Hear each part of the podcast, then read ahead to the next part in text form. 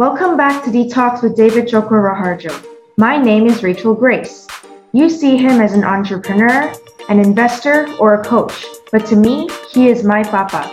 Today, I'm also joined by the CEO of Sukata Indonesia Perkasa, Felicia Grisandi. This is a recording of me asking Papa anything, things you may also be asking. Without any further ado, let's get into this episode. Enjoy!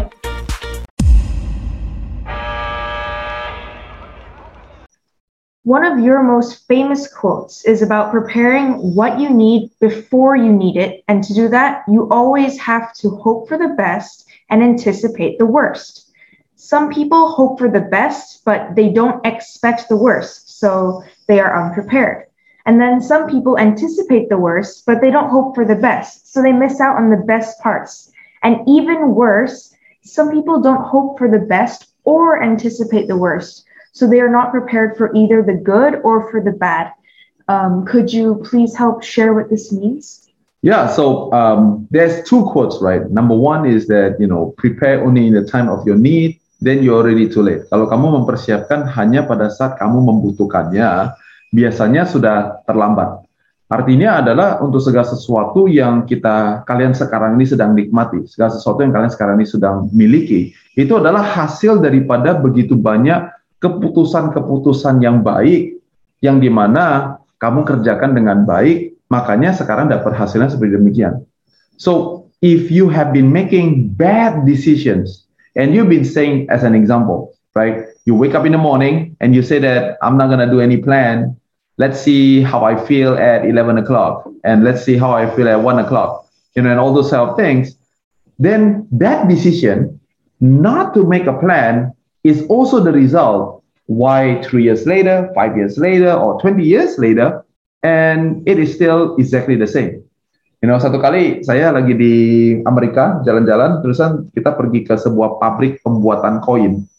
Oke, okay? nah pada saat kita lagi bikin koin, kita lihat di kira-kira dari ketinggian mungkin lima lantai gitu ya, kita bisa lihat ke bawah di mana ada orang-orang yang mengerjakan. Dan saya kasih tahu sama Rachel, saya bilang, coba you lihat, ada orang yang kerjainnya di situ ya. Kerjanya itu so boring dan juga gak ada energinya, dan saya bertanya, orang itu sudah berapa lama uh, bekerja di tempat itu? Chances adalah orang itu tidak baru kerja di situ satu tahun atau dua tahun. Dia mungkin sudah di sana lima tahun, delapan tahun, atau mungkin sepuluh tahun. See, the thing is, kalau kita tidak membuat planning untuk melakukan sesuatu yang lebih baik, maka kehidupan kita tidak akan pernah berubah. Kemudian saya ingat saya bertanya sama anak-anak saya, dan saya tanya begini, kalau kamu yang jadi dia, bagaimana caranya supaya kamu bisa keluar dari kehidupan kamu yang cuman mediocre itu, yang cuman asal jadi, yang gak ada gak ada semangat hidupnya. Oke? Okay? Nah, arahan, mudah-mudahan teman-teman mulai juga berpikir tentang how exactly would you do that. Dan saya kasih tahu begini, sesimpel mereka itu pasti kerjanya dari jam 9 sampai jam 5 atau semuanya dapat extra shift semuanya ya sampai jam 8 malam. Oke, tahu nggak artinya apa? Artinya setiap malam mereka bisa menghabiskan satu jam sebagai contohnya untuk mengikuti kursus sehingga mendapatkan sebuah uh, skill set yang baru sehingga dia bisa pindah dari kerjaan yang itu pindah ke kerjaan yang lain. Atau semuanya kita bilang gini, oh kan ada istri, ada anak, ada ada ini macam-macam. Gimana kalau semuanya makan siangnya jangan satu jam, makan jangan makan siangnya yang cepat gitu loh. Yang 15 menit selesai supaya ada 45 menit bisa belajar yang lain. You see, sepanjang Anda hanya mempersiapkan pada saat Anda membutuhkannya, biasanya Anda sudah terlambat. Nah, tapi bagian kedua itu adalah quotes yang berbeda lagi, yaitu adalah hope for the best and anticipate the worst. Bukan hope for the best or anticipate the worst. Jadi nggak bisa cuma mengatakan adalah saya cuma mau hope for the bestnya aja, atau saya cuma mau anticipate the worst-nya aja. Nah, kalau pada dasarnya orangnya tidak melakukan planning, if the guy doesn't like to do planning, the hope for the best is an absolute daydreaming. Just think for it for one second. Okay? If the guy doesn't do planning and he is a person that absolutely just anticipate the worst, this is basically like a what do you call this? A, a pessimist, you know, um, orang yang suka bikin teori bahwa everybody in the world is against this person, everything that he does, dia selalu berpikir bahwa adalah somebody is out there to get me. Ada orang di luar situ yang kerjaannya semua orang mau mau mau apa kibulin gua, mau makan gua, mau bohongin gua, mau mau mau ciak gua, you know? Itu kalau orangnya nggak punya planning. Oke? Okay? Karena dari itu yang tentu mudah-mudahan teman-teman kalau dengerin saya punya detox harusnya tidak jatuh di kategori itu. Alright. Nah, ini berbeda dengan pertanyaan Rachel. Rachel's question is, what if the guy is doing planning and is only doing hope for the best? Or the guy is only doing planning, but is only thinking from the perspective of the worst case scenario. So now, those planners, if he's only thinking hoping for the bestnya aja, Normally the business plan is like three lines long or maybe three pages long. You know, dia tulis di atas contoh dia bilang begini, oke, okay, pokoknya saya beli pen ini harganya dua puluh ribu rupiah dan saya bisa jual dengan harga lima puluh ribu rupiah. Dan kemudian dia bilang adalah, wah di kantoran saya ada uh, ribu orang yang bekerja. Ya setengah lah. Jadi saya bisa jual seribu unit. Uh, udah, beli lo 20 20 perak dikalikan dengan 1000 habis 20 ribu dan kemudian mau untung 30 ribu. Nah itu biasanya orang for the best. Dia nggak pernah antisipasi. Dia lupa bertanya. Contohnya, he forget to ask like, you know, before I sell you this pen, where does these 2,000 people do for writing? Do they own a pen before? Then the question should be, why then should anybody, not even half of the population, why would anybody buy the pen from me? Ngerti gak? You know, orang yang cuma hope for the best di dalam planningnya, dia pasti selalu bilang gak ada kompetitor. Atau dia lupa bahwa ada orang lain yang sudah mencoba untuk menyelesaikan masalah itu sebelum dia hadir di tempat itu. Oke? Okay? Jelas ya? Nah, yang kedua adalah kalau dia planning, tapi he's only expecting the worst. Wah, bisa bayangin nggak? Dia berpikir 2000 orang. Terus dia bilang begini, kalau jualnya 1000, kalau gue udah beli 1000, and then nggak jual 1000, waduh kan rugi dong. Jadi he's always thinking of all the bad things that can happen to the business. Oke, okay? ini adalah Parno pangkat 200 kira-kira begitu. Warno wah besoro. Karena itu he is becoming a paralysis analysis person. Right? It means that everything that he's thinking, everything that he's planning is always blocked by his own limitation, by his own uh, fear of this and that and all those other things.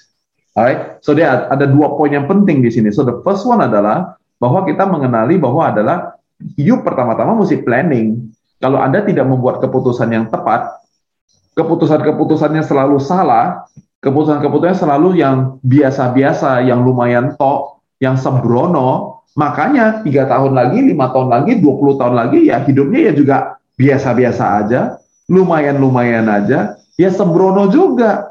Jadi apa yang kita tabur, what we sow is also what we will harvest. As simple as that. That is what planning is all about.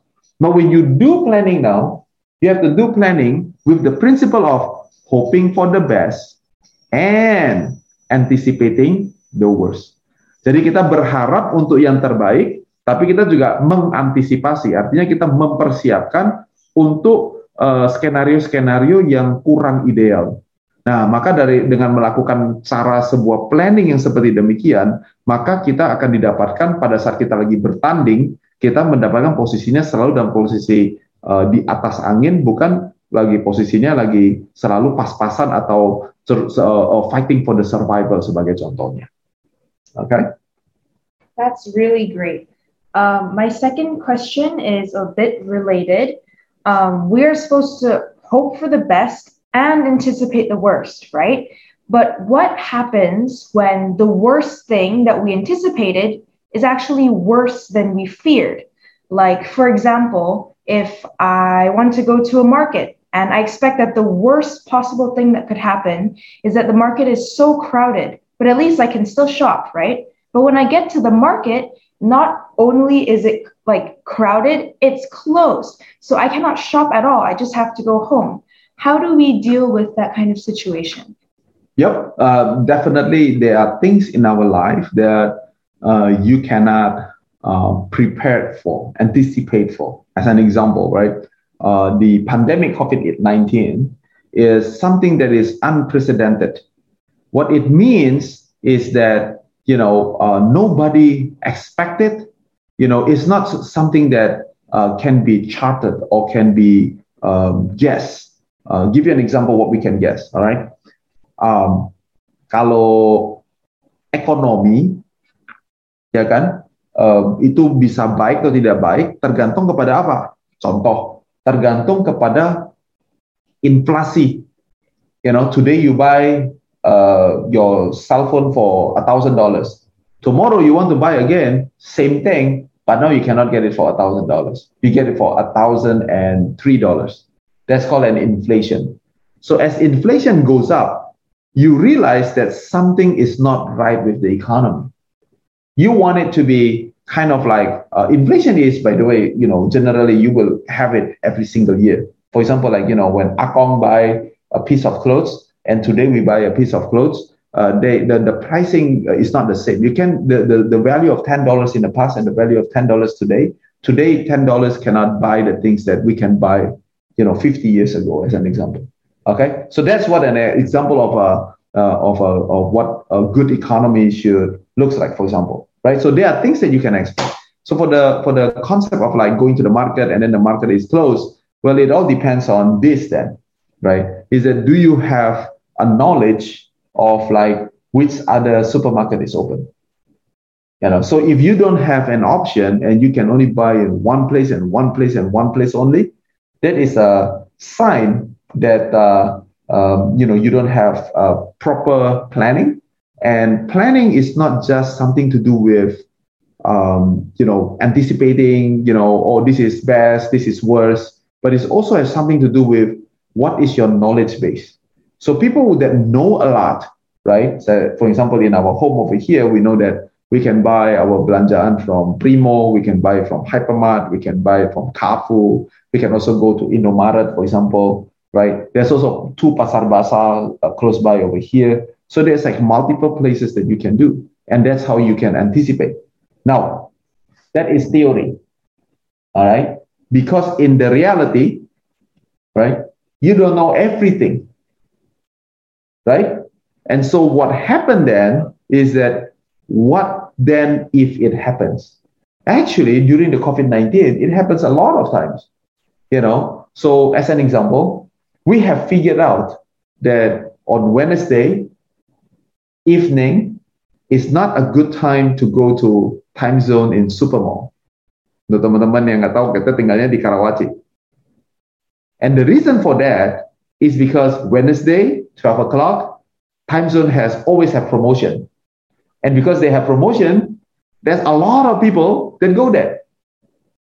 You know, we know that the malls open at 10 o'clock, right?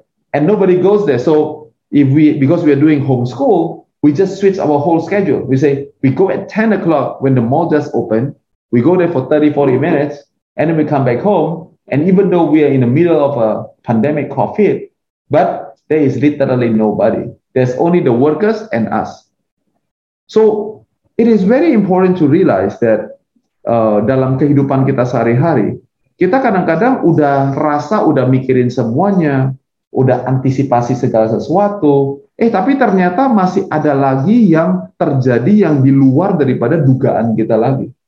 And that just make us live in a real world. Because you cannot know everything. If you have to know everything and then mulai berkarir, and then mulai berkarya, and then mulai buka usaha, maka ya Anda tidak akan pernah sampai di tujuan itu. Pertanyaannya adalah, kalau hari ini seperti contohnya Rachel, hari ini kita pergi ke pasar swalayan itu, dan kemudian dia lagi penuh, kita bertanya, apakah ini benar-benar butuh, butuh, butuh, butuh banget nggak ya? Kalau semuanya tidak butuh, butuh, butuh banget, berarti kan kita tidak jadi pergi ke pasar swalayan itu. Tapi you take a mental note, and then you say like, oh hari ini jam segini, ini rame banget. Kalau gitu saya kembalinya nanti dua jam lagi atau saya kembalinya adalah besok tapi saya perginya adalah sebelum jam ini so you see you can create a new anticipation And that is for that particular reason that I always tell you guys, I say that mau jadi orang kaya, kalau mau jadi orang kaya, kayalah dengan dua hal. Itu kaya dengan perspektif dan kaya dengan adversities atau kesulitan hidup. Pandemi COVID-19 sudah pasti memberikan ke itu banyak orang kesulitan hidup. Masalahnya, banyak orang yang tidak mau kaya dengan kesulitan hidup itu. Banyak orang yang memilih untuk tidak mau kaya dengan the adversities. They want to be kaya dengan convenience. Makanya dia bilang banyak orang sekali yang berkata bahwa adalah, ya saya nggak bisa kembangkan bisnis saya kak. Kenapa? Karena saya nggak ada duit. Saya nggak bisa kembangkan bisnis saya kak. Karena orang-orang saya semuanya begini. Ya saya nggak bisa kembangkan bisnis saya. Kenapa? Karena kemarin saya kurang tidur. Saya kemarin cuma tidur 6 jam, jadi saya masih ngantuk.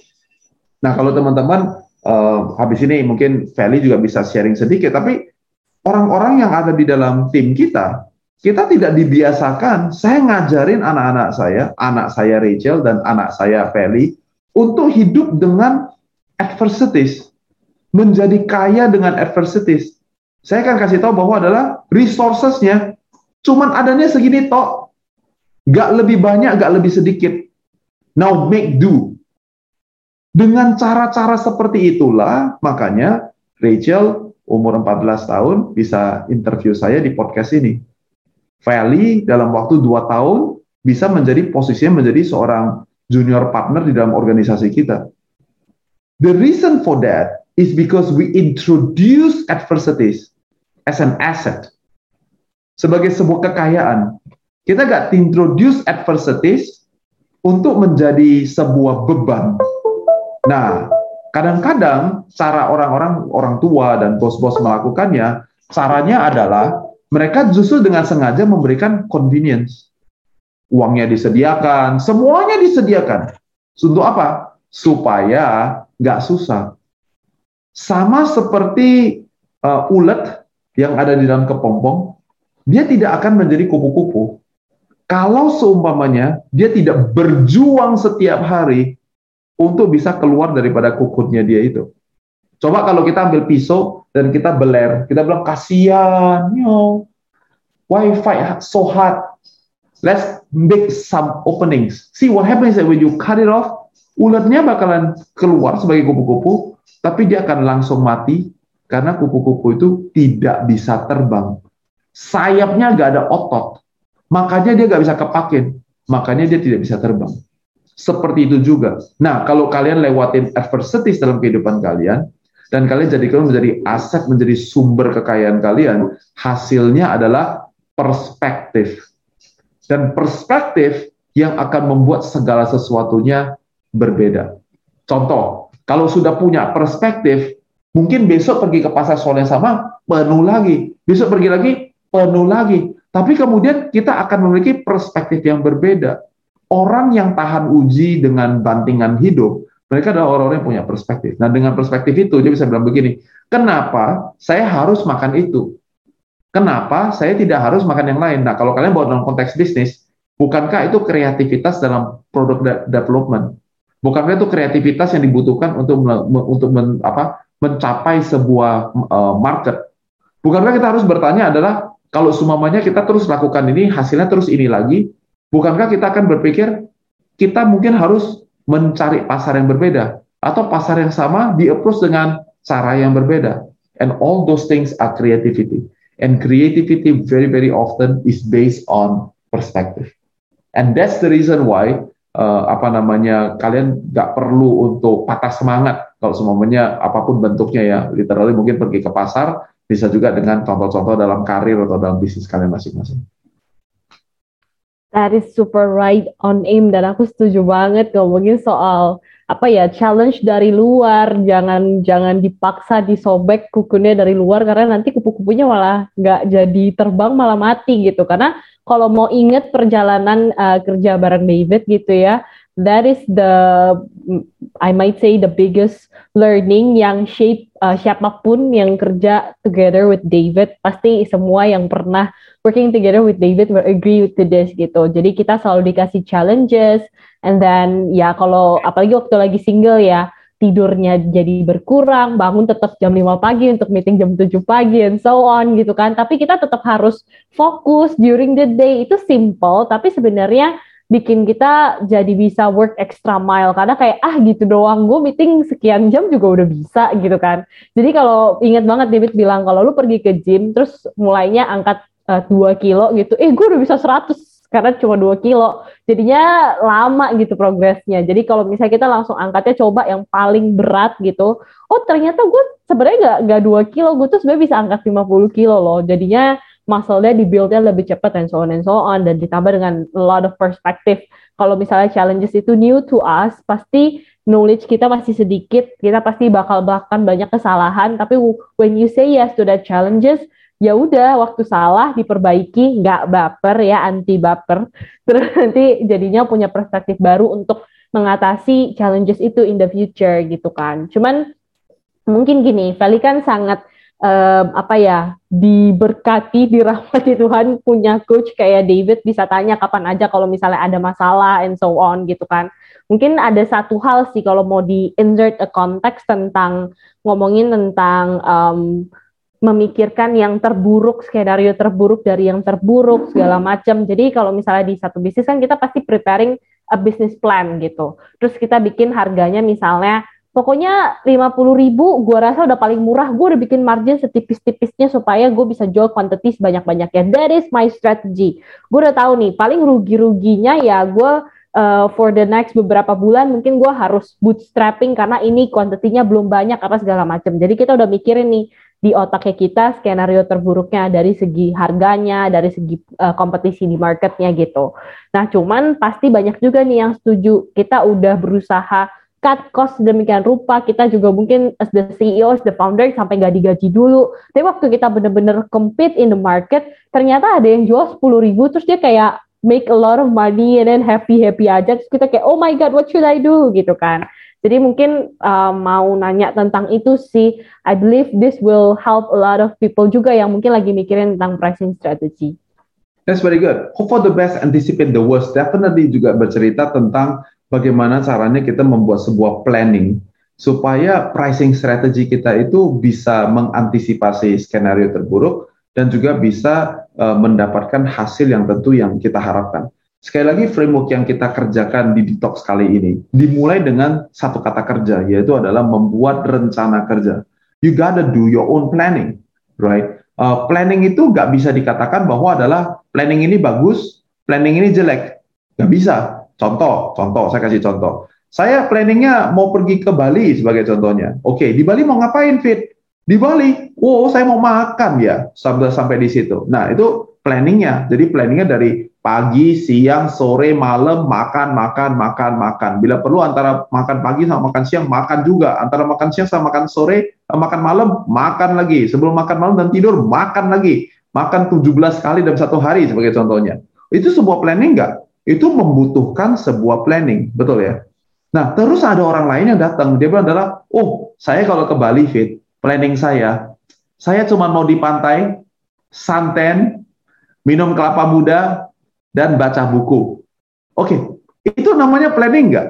Itu juga planning. Nah, terus si A sama si B, terus masih belum gini, ah planning lu goblok, nah, kira-kira begitu ya lo. Kenapa planning yang goblok? Sudah sampai di sini nggak mau makan. Matahari bro, mau santen. Lu sekarang di Jakarta di di di tengah jalan lu santen juga bisa santen matahari sama. Ngapain lu harus pergi ke uh, apa ke Bali untuk santen sebagai contohnya gitu ya kan? Mau baca buku, di rumah aja baca buku, mahal-mahal ke Bali baca buku. Oke? Okay?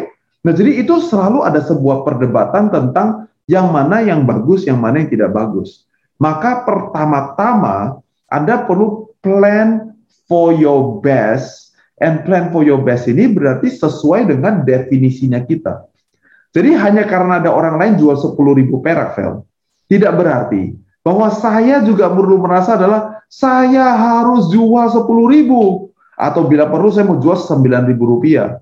Kenapa? Soalnya ada orang lain jual di harga, you know, sembilan ribu, eh, sepuluh ribu rupiah. Nah itu adalah sama seperti orang yang tadi pergi mau makan, ketemu sama orang yang cuma mau santai-santai, dan bilang satu sama lain plannya nggak bagus. So you have to first know kalian mau ke mana. Nah ini bahasa yang selalu saya pakai.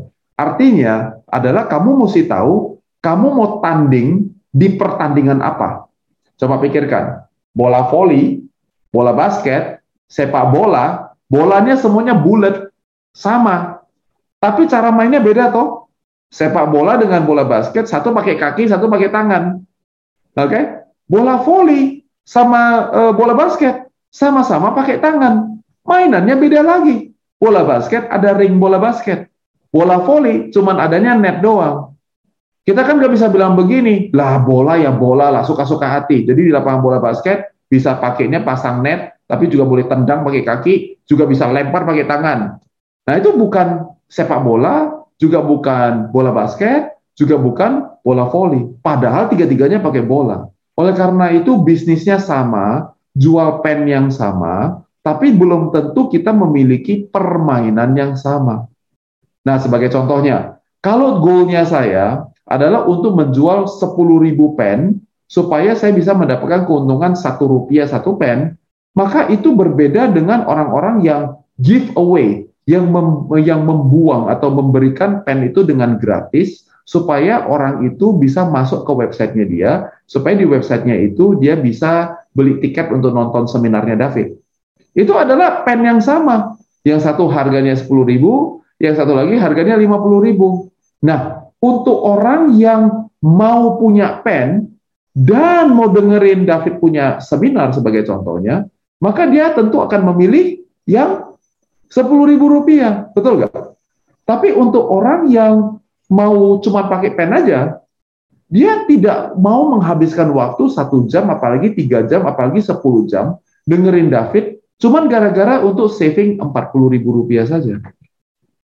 Nah, di sini ada sebuah argumentasi yang besar tentang, oh berarti yang satu niche market kan kita nggak mau, kita maunya semuanya mesti yang majority market. Termasuk Anda sendiri. Khususnya kalau kalian dengerin talk saya, saya hampir bisa memberikan sebuah garansi bahwa 90% daripada kalian semuanya pasti jatuh di sebuah kategori yang di mana ada barang-barang tertentu yang kalian belinya itu adalah kalian nggak peduli kualitasnya apa. Kalian mau belinya pokoknya yang paling murah ya udah bener udah. Tetapi untuk sebagian barang yang kalian pakai atau program atau jasa yang kalian pakai, kalian dikasih gratis pun nggak mau. Untuk kalian-kalian yang mengikuti podcast dengan menggunakan Spotify ini sebagai contohnya, kalian terus sebetulnya bisa aja pergi ke uh, apa namanya ke YouTube atau pergi ke tempat-tempat lain yang sebetulnya bawaannya gratis sih. Kan kira-kira begitu ya. Gratis sebetulnya. Tapi tetap aja kalian pakai Spotify dan kemudian banyak daripada kalian yang bayar premium, bayar biayanya. Padahal kalau dengerin lagu, coba bukankah bisa download aja di internet? Begitu banyak yang bisa convert nanti dari YouTube-nya diganti jadi apa itu namanya MP3 atau apa itu. Kemudian dari sana kalian bisa taruh di kalian punya CD atau di USB drive, dan kalian bisa dengerin dengan gratis. Tapi ternyata kalian masih bayar Spotify. You see, bukan karena sekian puluh atau sekian ratus ribu rupiah itu murah banget. Enggak. Nah ini yang saya mau ajarkan sama kalian. Yaitu adalah ada satu kata, yaitu nilai atau value. Jadi pada saat kita mau hope for the best and anticipate the worst when it comes to your pricing strategy, kita mesti ciptakan yang namanya value, ciptakan nilai. Value artinya adalah nilainya dan benefitnya untuk orang yang memakainya apa. Kalau sepanjang, kalau kalian mesti pakai imajinasi sedikit, nanti mungkin di Instagramnya saya kalian bisa lihat. Kalau ini adalah value dan ini adalah harga, sepanjang value ada di atas harga, maka orang akan pada prinsip dasarnya mengatakan bahwa adalah ya harganya masuk akal. Atau dia akan bilang begini, ini mah uh, underprice. Kata underprice atau dia bilang murah atau dia bilang affordable atau kompetitif, maksudnya begini, value-nya 50 ribu, tapi harganya cuma 10 ribu. Dia bilang begini, value lebih besar daripada harga. Maka dia bilang, ini worth it banget. Tapi kalau banyak value-nya adalah 10 ribu dan harganya juga 10 ribu, itu namanya ada apa?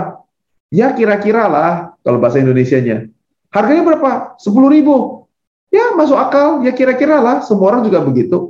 Kenapa? Karena yang dia terima, value, dengan harga yang ditulis, itu mirip 10 ribu.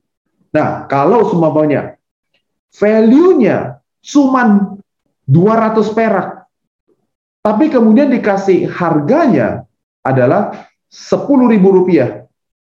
Walaupun cuma 10 ribu rupiah, bukankah kalian akan mengatakan adalah gak salah nih barang kayak begini eh, apa namanya eh, eh, sepuluh ribu rupiah. Kenapa? Karena di pandangan konsumen value-nya cuma 200 perak. Jadi segala sesuatu itu berhubungan dengan value. Oke, sekarang kita praktekkan. Kalau begitu, kita perlu mengantisipasi skenario-skenario yang tadi Feli punya contoh adalah saya mau jualnya di 50 ribu rupiah. Terus kita bilang begini, antisipasi apa yang perlu saya taruh di dalam planning kerja saya? Antisipasinya adalah ini. Di atas harga barang yang sedang kita jual belikan, benefit apa, value apa yang saya bisa tambahkan kepada customer saya.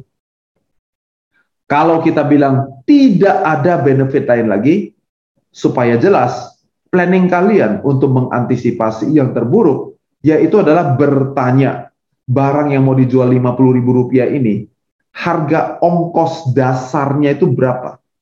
HPP-nya berapa? Nah ini harganya bisa literally mungkin bukan 10 ribu, mungkin ada cuma 5 ribu. Loh, gimana caranya? kalau belinya 10 juta unit. Ngerti? Kalau beli satu, ya 30 ribu. Beli 10 juta unit, oh cuma tinggal 5 ribu rupiah. Nah, maka dalam mengantisipasi yang terjelek, nggak perlu menghitung dari cost 5 ribu. Kenapa? Contoh, pasar tidak bisa absorb jual 1 juta, 10 juta unit. Pasarnya cuma bisa absorb sebenarnya jual 1000 unit. Kalau gitu kita tanya begini, di 1000 unit berapa harga ongkos kalau saya belinya sekarang 1000 unit dan beli, belinya bukan satu unit. Ini adalah bentuk daripada anticipating the worst. Oke, okay? dan saya dan istri saya kami melakukannya sering sekali. Pada saat kami beli di toko grosir, beli dua biji untuk dijual, kami sudah tahu nanti kalau jualnya belinya 10 lusin, harganya berapa. Nah, contoh ya, kalau beli dua, ongkosnya 10 dolar, kalau beli satu lusin, semuanya contohnya ongkosnya uh, tadi saya bilang berapa? 10 dolar ya. Beli satu lusin sebagai contohnya ongkosnya adalah uh, eh, 8 dolar. Maka saya menjualnya di harga sebagai contohnya 11 dolar untuk mendapatkan competitive pricing, tapi saya untungnya cuma satu dolar hari ini. Nah, mudah-mudahan teman-teman semuanya menangkap. Karena saya belinya hari ini cuma 10 dolar. Tapi saya tahu kalau saya bisa jual 12 pieces, saya bisa turunkan cost-nya by 2 dolar. Begitulah cara saya pada saat kita tidak memiliki benefit atau value lain yang kita bisa tambahkan pada orang lain. It is all a volume-based play atau sesuatu yang kita sebut dengan namanya economies of scale. Nah, kalau semuanya kalian punya value lain yang bisa ditambahkan, maka ada cara untuk menuju kepada pasar-pasar yang mungkin berbeda dengan orang lain yang menjual dengan ribu rupiah. Paling sedikit ada empat hal lain yang kalian bisa pikirkan. Yang pertama, yaitu adalah bukan aja kita ada jual barang itu, tapi kita juga jual barang-barang barang-barang barang-barang lain yang sesuai atau uh, menjadi complementary kepada barang yang lima puluh ribu rupiah itu. Itu namanya strategi atau value yang kita berikan adalah one stop shop. Karena pergi ke satu tempat dan semuanya sudah ada di situ. Itu nomor satu. Atau yang kedua, ada karena kita bisa lebih cepat gitu ya karena kita uh, ada di uh, berbagai daerah sehingga pengirimannya itu adalah dalam tiga menit atau tiga jam sudah sampai sebagai contohnya. Oke? Okay? atau yang ketiga yaitu adalah yang gampang karena nggak perlu pergi ke toko. Kenapa? Karena bisa order pakai aplikasi aja. Atau cuma tinggal telepon atau WA dan kemudian langsung barangnya di order nah, itu namanya yang paling gampang. Dan yang keempat, tentu adalah elemen daripada kecanggihan atau ketrendian gitu ya. Wah, atau ini yang kita sebut dengan the hottest item. Nah, ini lagi ngetrend banget nih. Ini adalah elemen-elemen yang semuanya adalah pakai teknologi yang paling canggih dan sebagainya dan sebagainya. Jadi barang-barang ini semuanya bisa menjadi benefit tambahan yang mengakibatkan bukankah teman-teman ada yang beli HP yang padahal kalian tahu sebetulnya tambahannya nggak banyak-banyak banget, tapi kalian beli yang versi yang paling baru, yang di mana bisa mendapatkan 30-40% lebih mahal. Lihat, mobil bekas sama mobil baru. Mobil bekas yang carinya murah tetap ada, tapi ternyata yang mobil baru ada juga. Padahal kita tahu, begitu kita beli mobil baru, begitu dia keluar daripada toko, langsung harganya turun by bisa 30%, 40%, 50%. Setengah value-nya hilang begitu dia sign dan keluarkan mobilnya dari showroom.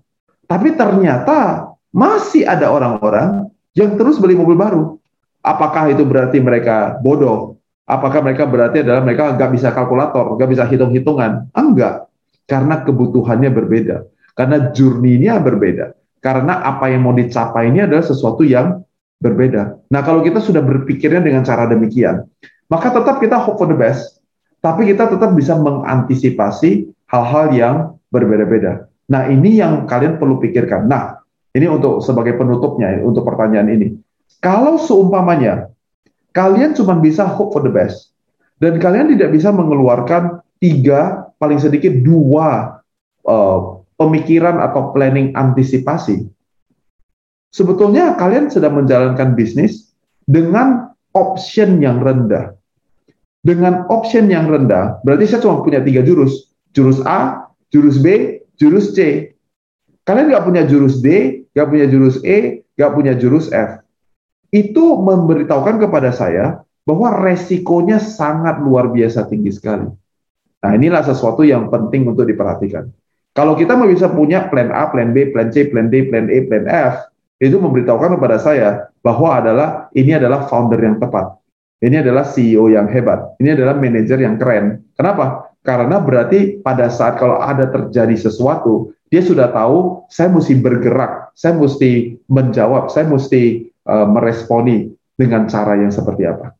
Oke? Okay? Jadi sebagai konklusinya, kita perlu senantiasa mengetahui bahwa we need to hope for the best and anticipate the worst. Bukan hanya sekedar um, mempunyai harapan yang besar, tapi kemudian melupakan. Uh, kita berpikir adalah orang pesimis atau negatif kalau mikirin tentang kalau ini terjadi gimana, kalau ini terjadi bagaimana, kalau ini terjadi bagaimana. Tapi tentu juga bukan hanya terus mikirin yang jelek-jelek, tapi tidak memiliki harapan. Jadi cuma ya paling tidak, paling tidak, paling tidak. Nah kalau cuma kayak begitu juga, itu maka kita akan bangun bisnisnya dengan survival mode. that is not a good starting point. A good starting point adalah hoping for the best dan kemudian ditambahkan dengan and anticipate the worst. Thank you for listening to Detox with David Joko Raharjo. I hope it helps you reach your full potential in life. If you'd like to see the notes for today's episode, just visit Papa's page at DTJOKROR on Instagram. We hope to see you again on another episode. But until then, let's be a generation of thinkers, not just doers.